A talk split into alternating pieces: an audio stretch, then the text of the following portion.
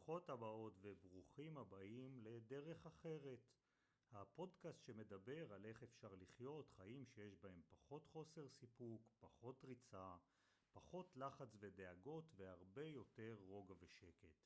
וכל זה בלי לשנות את אורח החיים בצורה דרמטית.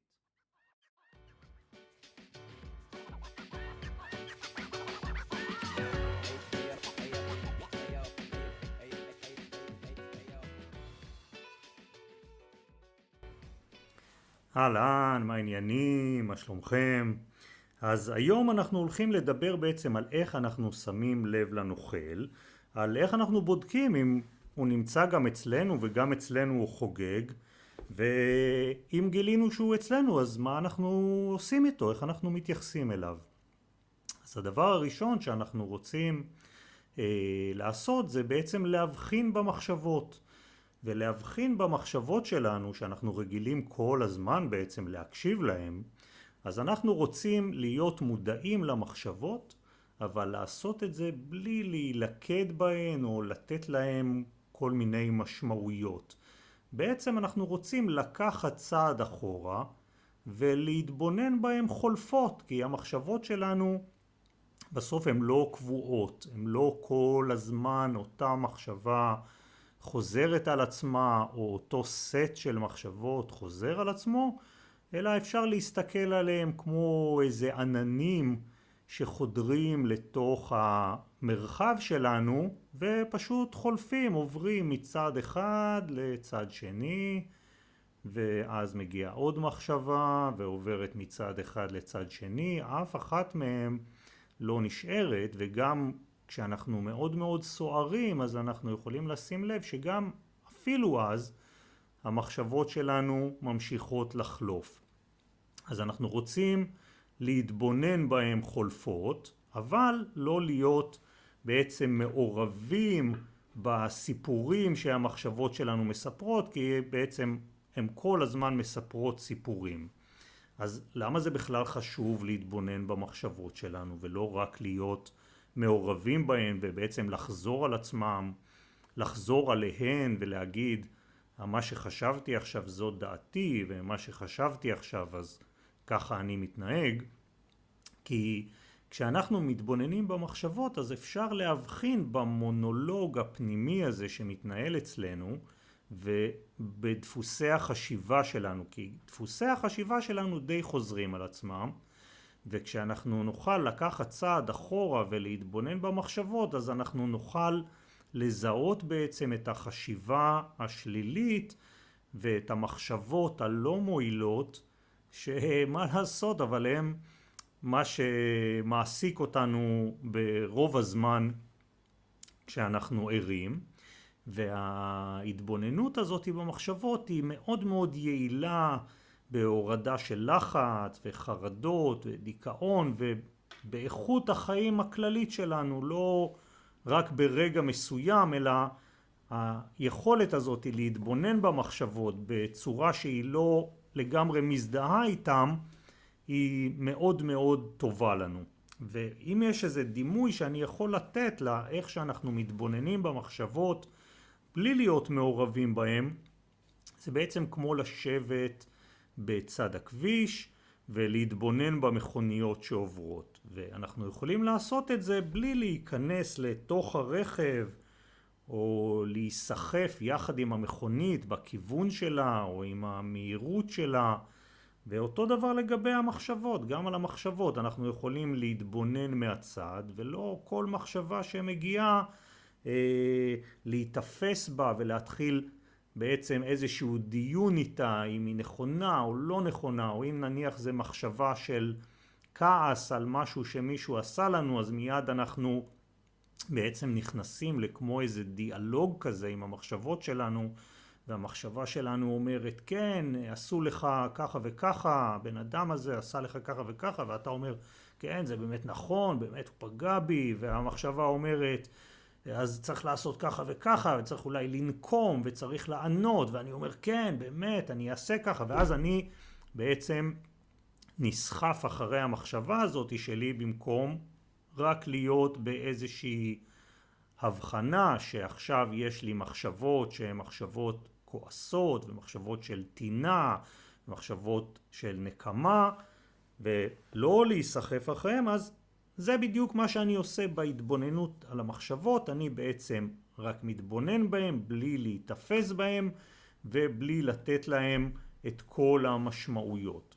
ואני רוצה רגע, אני רוצה לצטט את אפיקטטוס שאמר אנחנו לא יכולים לבחור את הנסיבות החיצוניות אבל אנחנו תמיד יכולים לבחור את ההתייחסות שלנו אליהן. וככה גם לגבי המחשבות שלנו, אנחנו לא שולטים במחשבות שלנו, אנחנו מאוחר יותר נראה גם כמה אנחנו לא שולטים במחשבות שלנו, ומכיוון שכך, אם אנחנו לא שולטים במחשבות שלנו, אז אנחנו כן יכולים לבחור את ההתייחסות שלנו אליהן.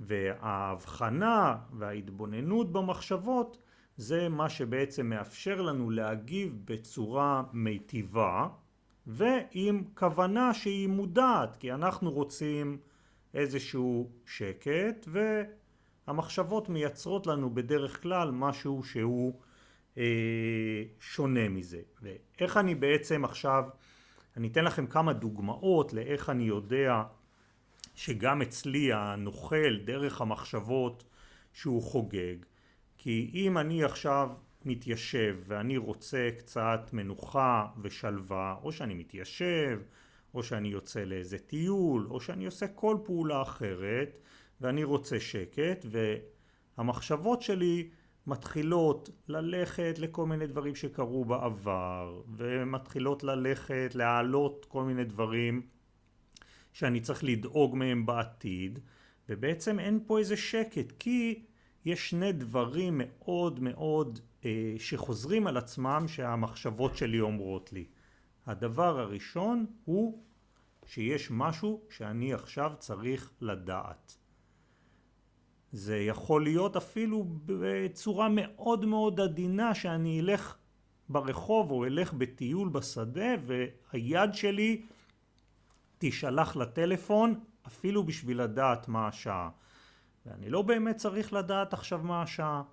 או שאני אהיה עסוק בדבר אחד, אני אקרא ספר ופתאום המחשבה שלי תיקח את תשומת הלב שלי ותגיד לא, אתה עכשיו צריך לבדוק מה השער של היורו כי אתה נוסע בעוד שבוע לחו"ל ואתה תצטרך להחליף כסף. אז כן, זו מחשבה שימושית אבל היא מאוד לא רלוונטית עכשיו. והדבר השני שהנוכל עושה זה שאם הוא לא רוצה שאני עכשיו אצבור איזה ידע או אדע איזה משהו רלוונטי או לא רלוונטי כשאני עסוק במשהו אחר זה הוא רוצה שאני יעשה משהו, אעשה משהו. זאת אומרת שאם אני עכשיו יושב בשקט ורוצה להיות עסוק במשהו אחד או לא עסוק בכלל, להיות באי עשייה שזה משהו שהוא משהו שצריך לעשות אותו, להיות באי עשייה זו גם עשייה. אז הוא עכשיו יגיד לי אתה צריך לסדר את המטבח או אתה צריך ללכת ולסדר את הארון או אתה צריך להיכנס לאינטרנט ולקנות משהו או אתה צריך לעשות מגוון מאוד גדול של דברים.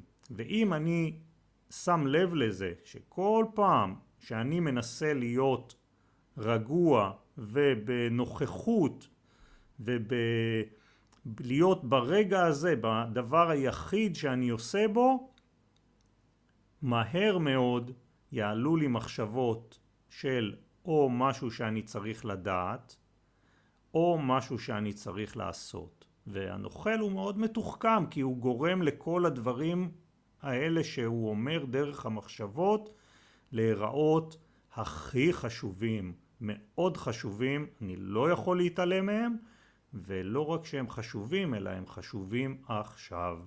אני צריך לעשות את זה עכשיו. ודבר נוסף ש, שהוא עושה, זה בעצם שאני רוצה להיות פה, עכשיו, ברגע הזה, במה שאני עושה, גם אם זה בשיחה עם מישהו, וגם אם זה בקריאה של ספר, וגם אם זה בסתם הליכה או בכל פעולה אחרת והוא לא רוצה להיות פה, הוא ממש מתנגד, הוא רוצה להיות במקום אחר, בזמן אחר, עסוק במשהו אחר, יודע משהו אחר.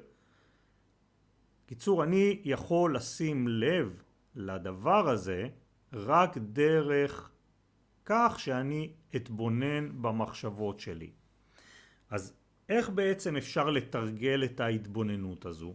אז דרך אחת היא פשוט לקחת כמה דקות כל יום, ממש דקות בודדות, ולהתבונן במחשבות באות והולכות, בלי עכשיו לעשות מה שנאמר, בלי להיתפס בהן, רק להתבונן, בלי להגיד למה עכשיו באה לי המחשבה הזו, בלי להיות שיפוטי כלפי המחשבה או כלפי עצמי. בעצם רק להתבונן, כמו על המכוניות. לא מעניין אותי מה יש במכונית, לא מעניין אותי לאן היא נוסעת, לא מעניין אותי המהירות שלה. אני רק מתבונן בה, מבחין שהיא שם. ודרך נוספת היא בעצם לכתוב כמו יומן מחשבות. אני פותח את אפליקציית הפתקים בטלפון שלי ואני יכול לכתוב היו לי מחשבות על כך וכך. עוד פעם, המחשבות האלה יכולות להיות לא קשורות לשום דבר, להגיח משום מקום. הן תמיד ייראו מאוד מאוד חשובות, אבל אני עכשיו רק בהתבוננות, אני רק מציין אותם. חשבתי על כסף, חשבתי על משהו שאני רוצה, חשבתי על משהו שאני צריך. ודרך הכתיבה הזאת אני יכול גם לשים לב לעל מה המחשבות שלי כל הזמן חוזרות. אז עוד פעם, ההתבוננות במחשבות היא בעצם כמו איזה כלי מאוד עוצמתי שהוא מאפשר לי לנהל, ואני ממש שם את זה במרכאות כפולות ומכופלות, הוא מאפשר לי לנהל את הרגשות שלי ולשפר את איכות החיים שלי, והוא מאפשר לי לזהות את דפוסי המחשבה שלי ומאוחר יותר גם לתרגל, להגיב להם בצורה שהיא מכוונת והיא לא אוטומטית או יושבת על כל מיני התניות. אז בעצם אם שמתי לב עכשיו למה שהנוכל עושה, שמתי לב למחשבות שלי, אז אני אגיד את זה ממש בכמה מילים בודדות ואנחנו נדבר על זה בהרחבה בפרקים הבאים, אבל איך בעצם אני מתייחס לזה? אם עכשיו גיליתי שגם אצלי כל פעם שאני רוצה שקט יש מחשבות שרוצות לדעת כל מיני דברים ולעשות כל מיני דברים אז איך אני מתייחס לזה? אז הדרך היא דרך בעצם מאוד מוזרה כי אני לא מתנגד למחשבות ואני לא מנסה לאמץ אותם, אני... כל מה שאני צריך לעשות זה רק לשים לב שהן שם. זה הכל, אני לא צריך להחליף אותן במחשבות אחרות. כל העניין הזה של חשיבה חיובית ומחשבות חיוביות, אני לא צריך לעשות את זה. אני לא צריך לנסות להפסיק את המחשבות האלה. אני לא צריך לעשות איתם בעצם שום דבר חוץ מלהגיד אני מבין שהמחשבות האלה עכשיו נמצאות וזהו. זאת הדרך, זה דרך קצת מוזרה, היא לא, אנחנו רגילים שאנחנו על כל דבר צריכים לעשות משהו ולהיות בעצם באיזושהי תגובתיות למה שקורה לנו, כולל המחשבות שלנו, אבל באופן פרדוקסלי ומפתיע אולי שהוא עובד, אבל כל מה שנדרש לעשות זה רק לתרגל את ההתבוננות הזאת במחשבות. בהמשך לזה אני רוצה אה, לתת איזשהו, אה, לא נקרא לזה משימה, אבל איזשהו תרגיל. ואני מזמין אתכם לנסות לשחזר אירועים שבהם הרגשתם ממש ממש טוב, ממש ממש משוחררים. והייתם מאוד מאוד נוכחים ברגעים האלה ואני מזמין אתכם לחשוב על האם שמה היו מעורבות המחשבות, האם הנוכל היה נוכח שמה או לא נוכח שמה וכמה דוגמאות לאירועים כאלה זה למשל אה, אירועים מאוד משמחים, החתונה שלכם, אה, ברית, בריתה, כל מיני אירועים משפחתיים מאוד מאוד משמחים. אה, בזמן, דוגמה נוספת זה בזמן שעשיתם ספורט אקסטרים או אתם עושים ספורט שהוא יש בו מרכיב אקסטרימי. ברגע אחר מאוד מאוד משמח, זכיתם במשהו, קיבלתם איזשהו פרס, אז אני מזמין אתכם לחשוב רגע על האירועים האלה ולראות מה היה בהם, לחשוב קצת אחורה ולראות מה היה באירועים האלה. זהו, בפרקים הבאים אנחנו הולכים גם אה, ללמוד יותר איך אנחנו מבחינים בנוכל הזה וגם מה המאפיינים שלו, איך הוא מתנהג ואיך אנחנו יכולים לזהות אותו, לתרגל את ההתבוננות במחשבות שלנו ולזהות אותו בצורה שהיא הולכת ונהיית יותר קלה. אני אומר מראש, אף אחד לא מצליח להיפטר מהנוכל שלו. הנוכל תמיד נשאר ואנחנו לומדים איך אנחנו יכולים לחיות את החיים היותר רגועים שלנו וגם עבור כל מי שנמצא מסביבנו יחד איתו. אז אני מודה לכם מאוד על הזמן שלכם ואנחנו נתראה בפרק הבא. יאללה ביי.